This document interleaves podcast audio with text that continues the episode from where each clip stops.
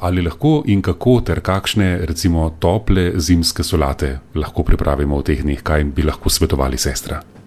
Tako da so to so kuhane solate, v glavnem, seveda, mora biti kuhana, če ne. eh, Tukaj je, gledajte, lahko, zdaj, če sem tako po naslovu naštejem, kar mi pride zdaj, je recimo makaronova solata, riževa solata, potem je tukaj krompirjeva na razne načine zabeljena, pripravljena, ne, z marinado, z majonezo in podobno, pa še z dodatki, začimb raznimi. Eh, kaj bi še bile, ker drugo so omake, potem eh, ne vem, kaj bi še trenutno rekla. Pesa v solati je kuhana, je tudi takšna, da lahko ni topla ravno, ampak je kar kuhinjske temperature, se pravi, da je k vsaki taki glavni jedi se poda. Mhm. Ja, pa recimo solata, pa dodamo kakšen, ne vem, pečen kos ali mesa, recimo, ali sir. No, to je odlično. Tudi lahko. O, seveda, k vsakemu mesu se potem te solate tudi pridajo.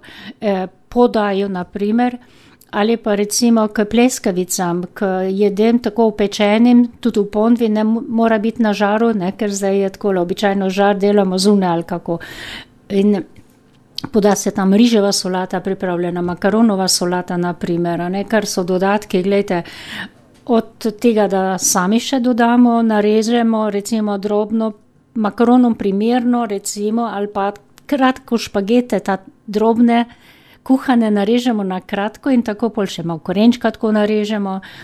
Eh, Še kaj še bi dali, kakšne olive zraven, kakšno kumaro kislo se doda, in eh, malo čebule je lahko zraven, ali pa ob tem se prida, in zabelimo z marinado, kar je olje, sol, kis, koliko je še potrebno, soli, seveda, okisamo primerno, eh, kakšen jajček se kuhan lahko no, tudi nareže, naprimer, ali pa dekorira pol s kuhanimi jajci, a ne.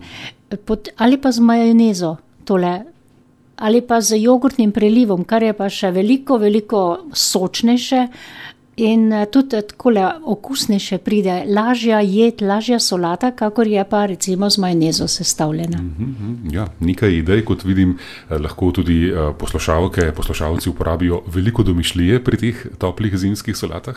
Tako razne kombinacije, gledajte, uporabljamo živila, sestavine, ki jih družinski člani nekje vsi sprejemajo. Ne da damo nekaj noter in pol dva ne boste jedla, ker je to drobno narezano zraven, ne, ne moramo pa večjih kosih dati.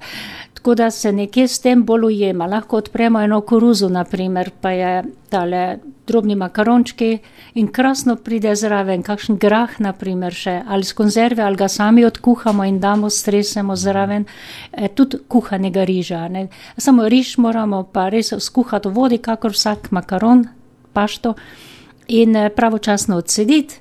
Pa odsediti strest v skledo, pokapljamo, pošpricamo z oljem, malo premešamo in imamo krasen drobljiv riž.